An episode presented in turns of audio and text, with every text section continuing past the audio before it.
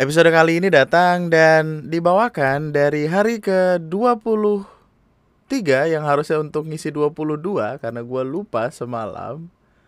Gua eh kemarin apa ya alasannya ya? Kenapa bisa begitu ya? Bukan, bukan tidur. eh, apa namanya? Sebelum itu, oh gini. Nan- nanti kita bahas deh. Eh, tema untuk hari ke-22 adalah racun. Nama gua Andri dan selamat datang di Lunatic Podcast.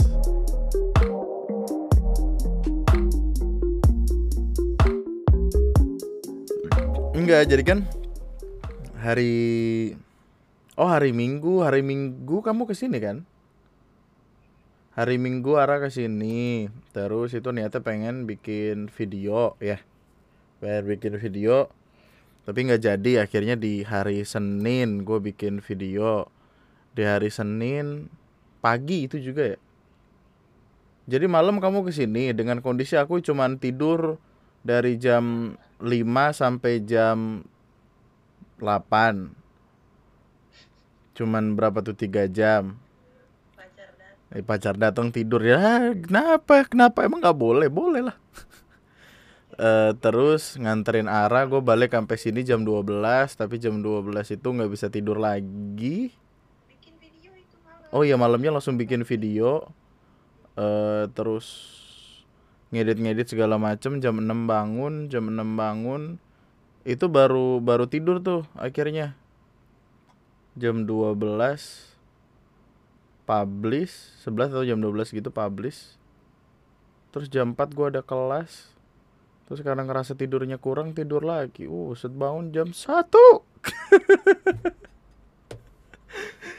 jam 1 bener-bener tadi pagi cuy jadi ini gue bener-bener eh, baru-baru sadar gitu loh Ih anjing aneh banget dah oleh karena itu maka mari kita ngopi kawan ngopi dulu lah masa nggak ngopi Eh, tema hari ke-22 adalah racun. Seperti biasa gue nggak tahu ini mau dibawa ke mana. Seperti biasa gue juga nggak tahu ini pembahasannya akan dibawa ke mana. Tapi biar sederhana mari kita baca-bacain dulu apa sekiranya yang orang tulis di hari ke-22 ini. Arcturus Day 22. Eh Senyum manismu ternyata mengandung racun. Tukang tikung. Hah, kenapa lu?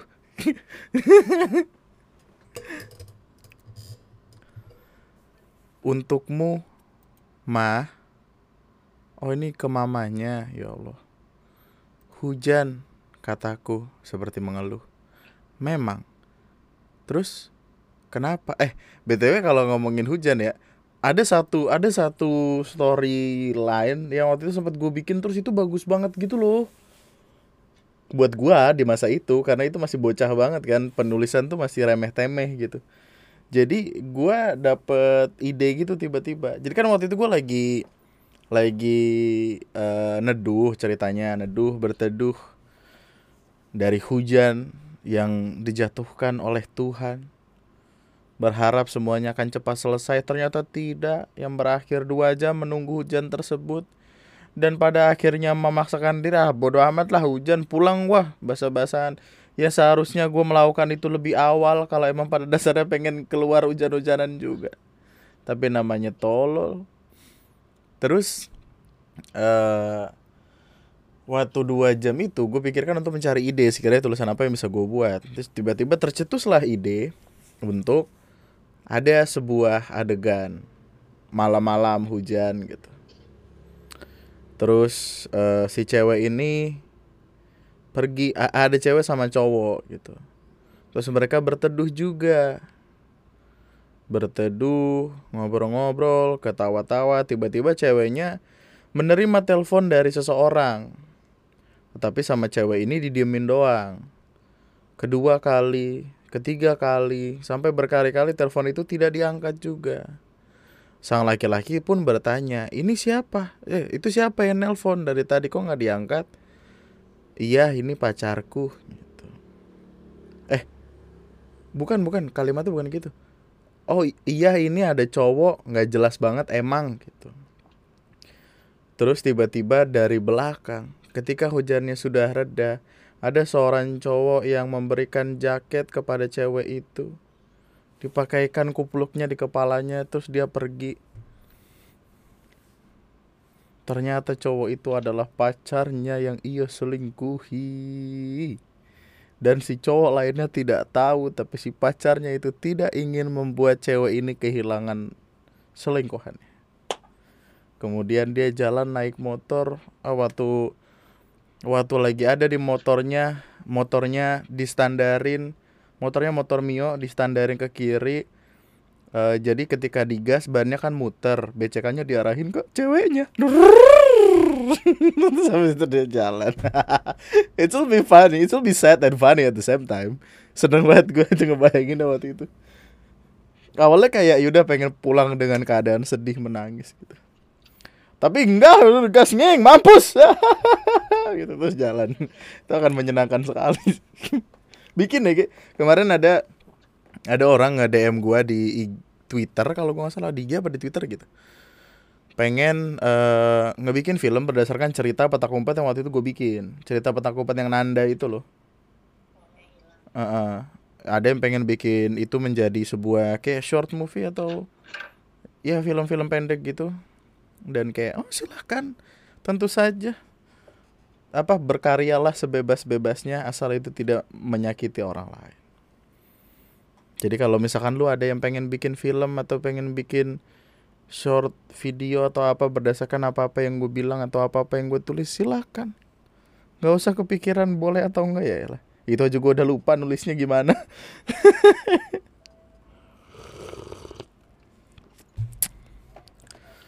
Jangan bermain-main dengan penulis atau kamu akan mati di hujam kata-kata yang ia punya. Oh bukan, jangan bermain-main dengan penulis atau nanti kamu akan dihujam sakitnya setiap paragraf yang sudah ia tuliskan. Anjay. Kalau cowoknya adalah teknisi AC, jangan main-main dengan teknisi AC atau nanti kamu akan mati di semprotin freon dingin. Ngomong-ngomong tentang racun kasusnya itu tahu gak sih lo yang yang diracunin sama temennya itu yang pakai apa sih namanya? Yang pakai itu loh yang ditaruh kopi loh sianida sianida siapa namanya? Jessica Kopi Sianida. Waktu itu perkaranya tuh ini loh. Perkaranya tuh oh, udah lima tahun men. Perkaranya gede. Bukan hanya keduanya orang kaya, tapi ini juga di, diliput, masukin TV jadi kayak sinetron anjing berjilid-jilid. Karena tentu TV dapat rating cukup banyak dari situ lima tahun lalu tetap tepat 6 Januari 2016 oh wow waktu berjalan cepat sekali ya Wayan Mirna Salihin meninggal dunia usai menyeruput kopi yang ternyata berisi racun sianida. Sebelum wafat, Mirna diketahui bertemu dengan dua teman kuliahnya, Jessica Kumala Wongso dan Hani. Ya Allah, sian amat. Nama korbannya, Wi Wayan Mirna Solihin. Nama pelakunya Jessica Kumala Wongso dan Hani. Ya elah. Kasih ke nama panjangnya gitu.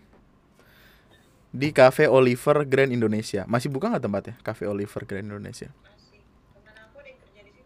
Masih. Teman kamu kerja di situ? Oh iya? Jadi kamu punya info orang dalam dong? si itu loh, si Siapa? Si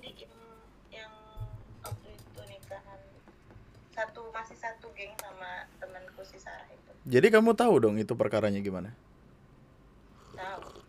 Tapi waktu itu dia nggak cerita banyak karena itu di dalamin. Gitu. Oh. Ya udah oke, coba kita baca aja. Temen lu banyak amat dah heran gue, gue sih nggak mau ya punya teman banyak-banyak.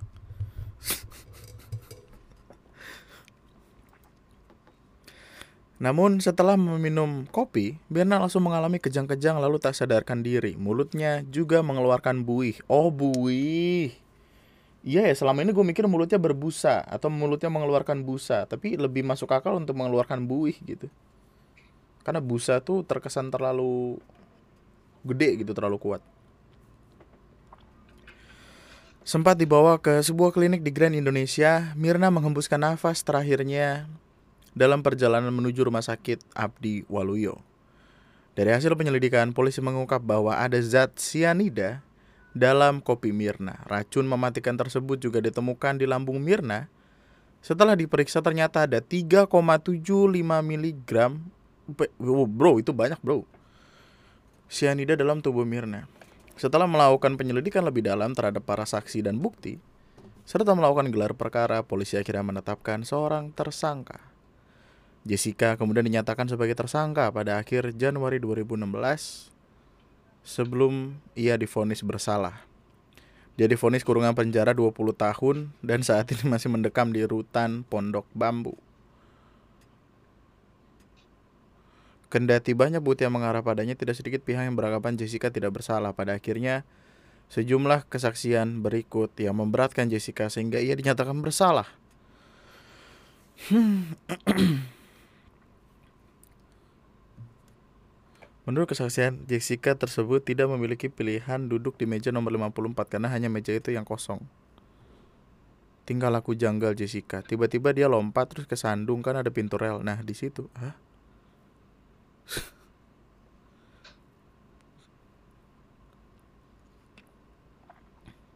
Waktu itu kan perdebatannya banyak banget karena ya itu tadi ada orang yang beranggapan kalau Jessica tidak bersalah terus Jessica juga menjelaskan dari sudut pandangnya kayak emang dasar kopi ini beracun tahu bla bla bla bla bla bla gitu gitu waktu zaman 2014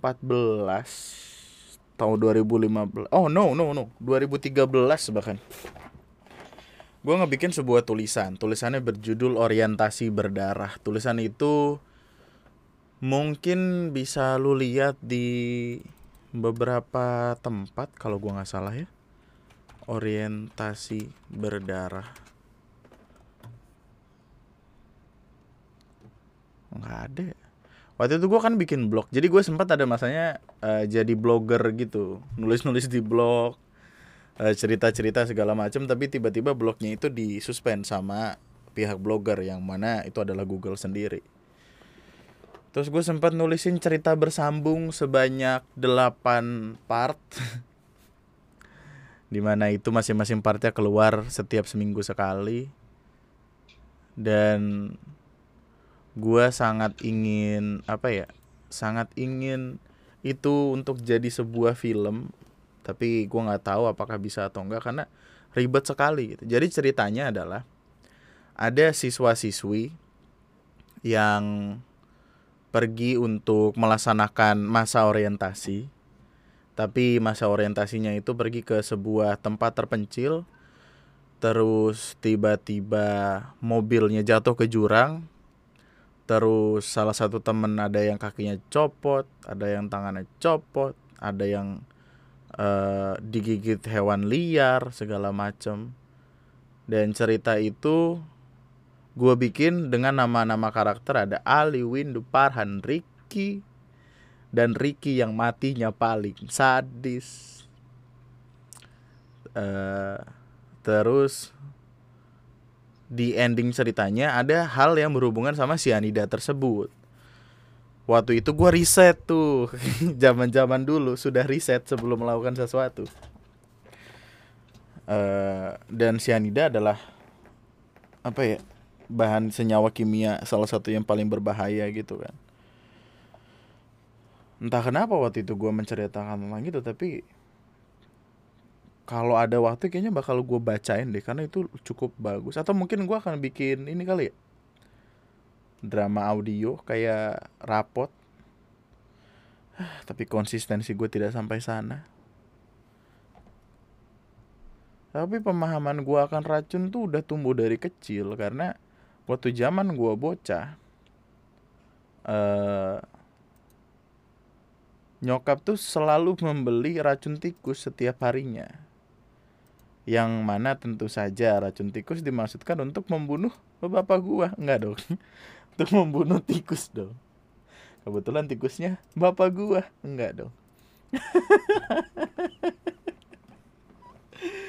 Oh, waktu itu di rumah gua banyak banget tikus gitu. Dan nyokap yang beli terus bokap yang bertugas untuk menaruh itu di berbagai macam sudut. Eh cuman bersamaan dengan racun tikus itu dibelilah juga lem tikus lem yang pokoknya kalau udah nempel susah banget lepasnya dah. Waktu itu kaki gue kapalan kalau gue nggak salah. Terus gue nginjek itu berusaha ditarik kapalan gue kecabut aja nyilu banget berasa lagi. Waktu itu zaman zaman kebanyakan main bola dan bolanya bola plastik tuh. Bola plastik kan ringan banget kan jadi gampang untuk lari-larian ke sana kemari dan harus lebih sering dikejar. Ngejar kan di sana kan main bola di aspal men. Di jalanan. Eh anyway. Terus eh, pada akhirnya berhasil menangkap beberapa tikus dengan metode tersebut. Tapi sayangnya tikus-tikus yang kena eh yang kalau tikus yang kena racun tikus mati. Tapi tikus-tikus yang kena lem itu tidak mati. Entah kenapa bapak gue memiliki ide untuk memasukkan semua tikus itu ke dalam bak. Kemudian merendam tikus-tikus itu biar mereka merasakan rasanya mati tersiksa. Waktu itu dia kesel banget gitu loh karena lagi tidur jempolnya digigit sama curut bukan tikus yang tikus biasa ya yang hidungnya panjang itu loh. Terus dia menertawakan tikus-tikus yang berenang di dalam ember berusaha untuk bertahan hidup. Kayaknya jiwa-jiwa psycho gue emang turun diturunin dari dia gitu cuman dulu kan gue masih bocah ya belum memahami teori kalau semakin tinggi air semakin akan memudahkan tikus untuk lompat dan keluar dari air tersebut. Air gue tambahin banyak aja tuh bokap mah ketawa-tawa aja kan. Air gue tambahin gue tambahin gue tambahin. Tiba-tiba airnya eh, sudah hampir menyentuh bibir ember jadi kayak menyentuh atas ember gitu. Tidak tidak sejauh itu tapi kan tikus idenya banyak dia yang ngeraul ngeraul ngeraul ngeraul atau loncat dari temennya. Karena itu banyak sekali waktu itu. Gua nggak tahu 20-an kayak karena tikus kecil-kecil banyak banget men itu perkampungan. Eh tikusnya pada berontak keluar. Terus ya udah kami semua loncat-loncatan kena karma seketika.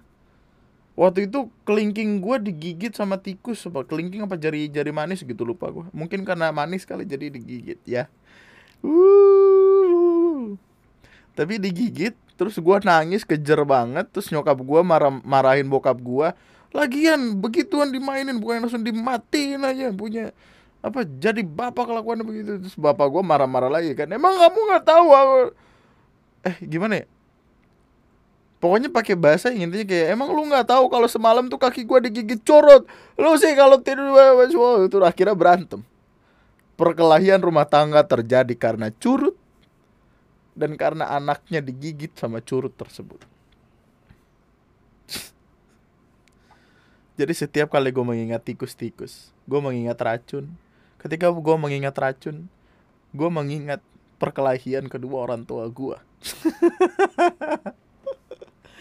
berhubungan sekali ya aneh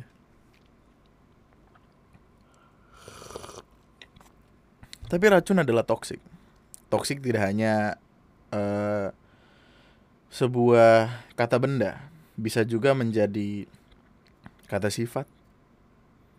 Seperti halnya teman-teman lu yang datang ketika ada maunya doang. Atau seperti teman-teman lu yang sering kali waktu di tongkrongan uh, ngomongin orang ini tapi tidak ada ketika lu nggak ada lu yang diomongin. Uh, atau ke pacar toxic relationship di mana sebenarnya lu pengen putus sama dia tapi dianya selalu punya alasan untuk nggak mau putus padahal kelakuannya wow wow wow wow wiu wiu wiu. Toxic relationship hadir satu persatu sebelum akhirnya kita bener-bener dapet yang relationship gimana ya? sebelum akhirnya kita menemukan relationship beneran yang toxic itu datang untuk ngebikin kita belajar Dan biasanya ketoksikan itu datang dari dari masa-masa sekolah gak sih?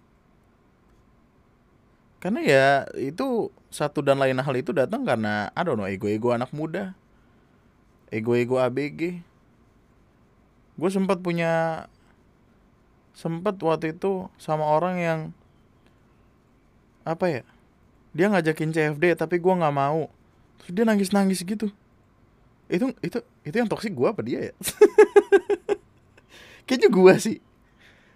Karena maksud gue tahu CFD itu niatnya untuk sehat untuk lari-lari untuk mencari keringat segala macem tapi di ujung jalur CFD ada bakso mie ayam segala macem sehatnya di mana nambah penyakit. Bukan buat sehat.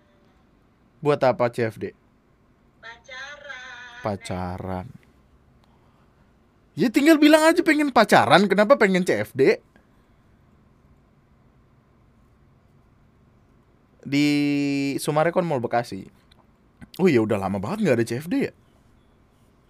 Selama pandemi berarti nggak ada CFD dong.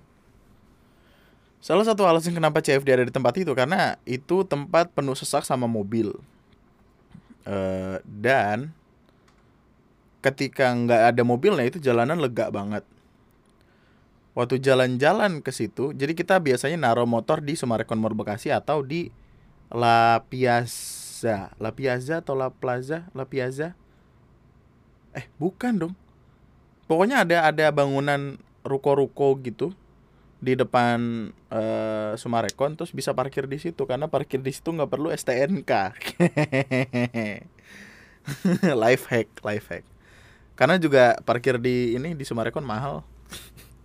parkir di tempat itu cuma 2000 Terus dari tempat itu jalan, jalan, jalan sampai ke jembatan Sumarekon, jembatan Sumarekon, ngelewatin jembatan itu untuk turun ke eh, Taman Bekasi. Eh, bukan ke Gor Bekasi. Nah di Gor Bekasi itulah banyak sekali makanan-makanan, ada baju-baju bahkan. Biasanya ada ibu-ibu jualan es teh atau es jeruk, yang satunya goceng. Terus kemudian pada banyak yang makan di situ di di Gor Bekasi itu sebelum akhirnya males untuk jalan tapi harus dipaksakan jalan. Akhirnya jalan kembali ke parkiran motor yang mana itu jauh sekali. Biasanya ada ini komunitas musang, ada komunitas eh, apa skateboard, ada komunitas pecinta mamah muda. Waktu gue liat emang bawa bapak aja lagi ngobrol yang dilihat Facebook kata itu pecinta mamah muda lagi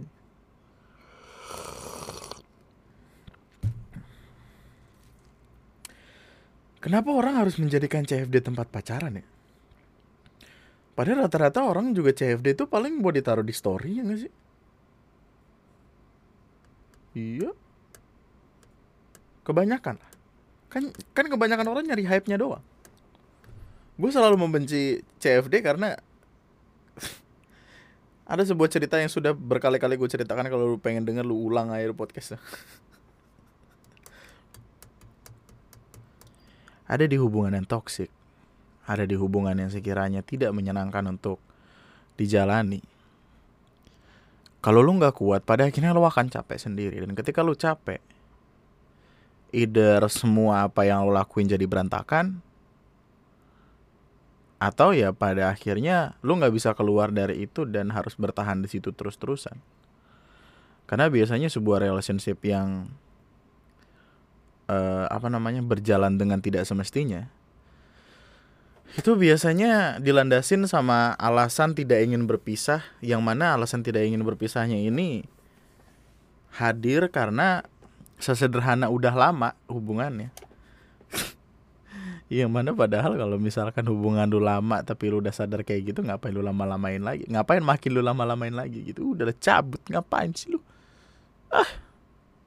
Iya tapi kan gue udah bertahun-tahun sama dia, gue udah kenal sama orang tuanya gue udah diajakin makan sama orang tuanya ya terus apakah lu bisa apakah lu nantinya bisa membayangkan gini kalau misalkan lu berpacaran sama orang kemudian ketika nikah nanti eh ketika nanti lu ngebayangin waktu nikah bakal berantem kayak apa dan bisa lu tebak berantemnya adalah berantem yang kasar, berantem yang kata-kataan atau bahkan main tangan.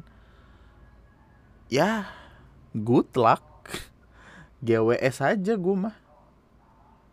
Berhentilah menyakiti dirimu sendiri dengan tetap melakukan apa-apa yang tidak kamu yakini.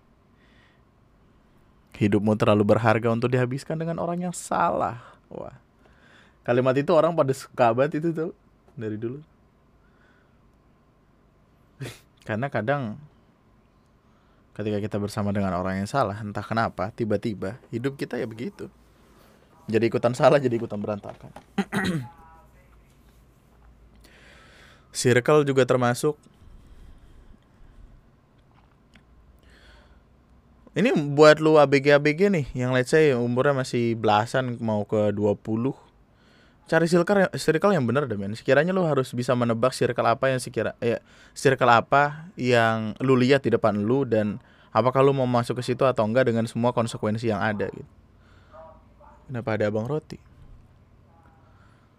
Gua dari dulu itu menyenangi apa apa gua lakukan sendiri. Pun kalau misalkan uh, lagi nggak pengen sendiri dan lagi pengen ada di obrolan tertentu sama orang, gue akan memilih circle yang gue suka dan gue mau untuk ada di sana. Karena dari salah kepemilihan circle itu, ya itu akan ngubah pola pikir lu, cara pandang lu akan dunia dan lain sebagainya. Yang mana kalau misalkan lu kepleset dikit aja bahaya sekali.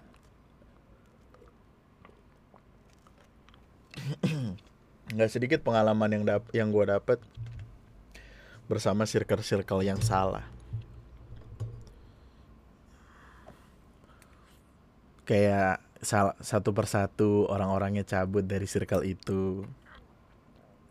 Untuk kemudian membuat circle lain. Jadi kayak dalam grup WhatsApp ada grup WhatsApp lain gitu. sama halnya kayak di kantor di mana ada grup WhatsApp berisi manajer tapi ada grup WhatsApp lain yang nggak ada manajernya itu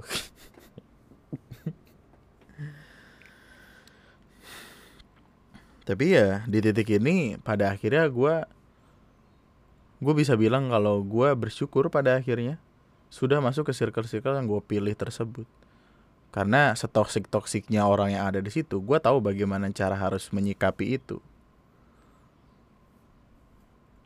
Menyenangkan untuk menjadi lone wolf karena tidak akan ada masalah yang lu hadapi. Maksudnya tidak akan ada masalah kelompok yang lu hadapi tapi pun tidak apa untuk masuk ke dalam sebuah kelompok tertentu karena pada akhirnya ketika lu benar-benar pinter buat milih di mana lu mau berdiri dan siapa sekiranya teman yang bisa ngebantuin lu berdiri di tempat itu lu akan tahu bagaimana cara pemecahannya lu akan tahu bagaimana caranya berhenti uh, dari masalah yang sekiranya mereka buat atau makan mungkin lu buat sama mereka.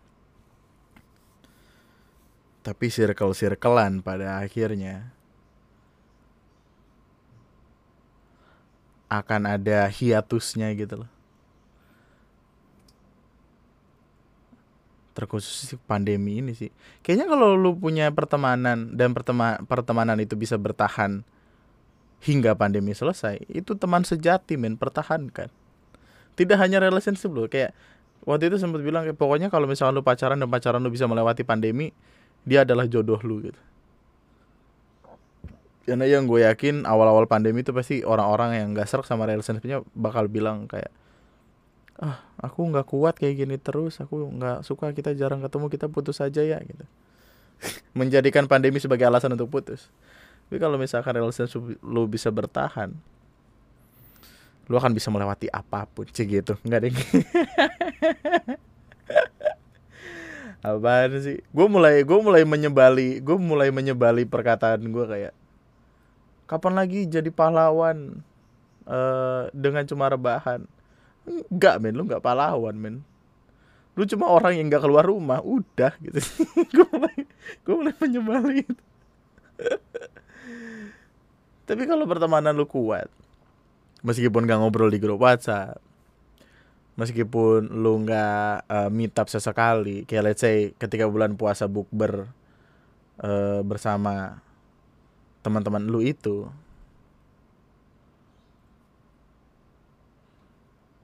Kemudian waktu waktu ketemu masih bisa ketawa-tawa lepas seperti sebelumnya dia adalah teman sejati lo karena teman kembali lagi ke personality karena personality itu yang susah dicari. Personality yang pas sama lu susah dicari. Jadi pilihlah circle apa pun yang lu pengen masukin. Asal lu tahu bagaimana caranya bertahan hidup di sana karena ya bisa jadi serigala atau macan masuk ke kelompok Haina tapi kan kita nggak tahu Haina itu masalahnya apa aja.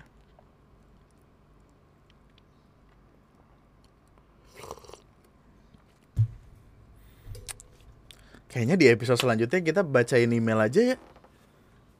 Episode selanjutnya temanya apa sih? Karena racun tuh terlalu terlalu complicated gitu loh. Rada-rada susah dibahas semakin semakin ke sini semakin sedikit omongan yang bisa gue lakukan.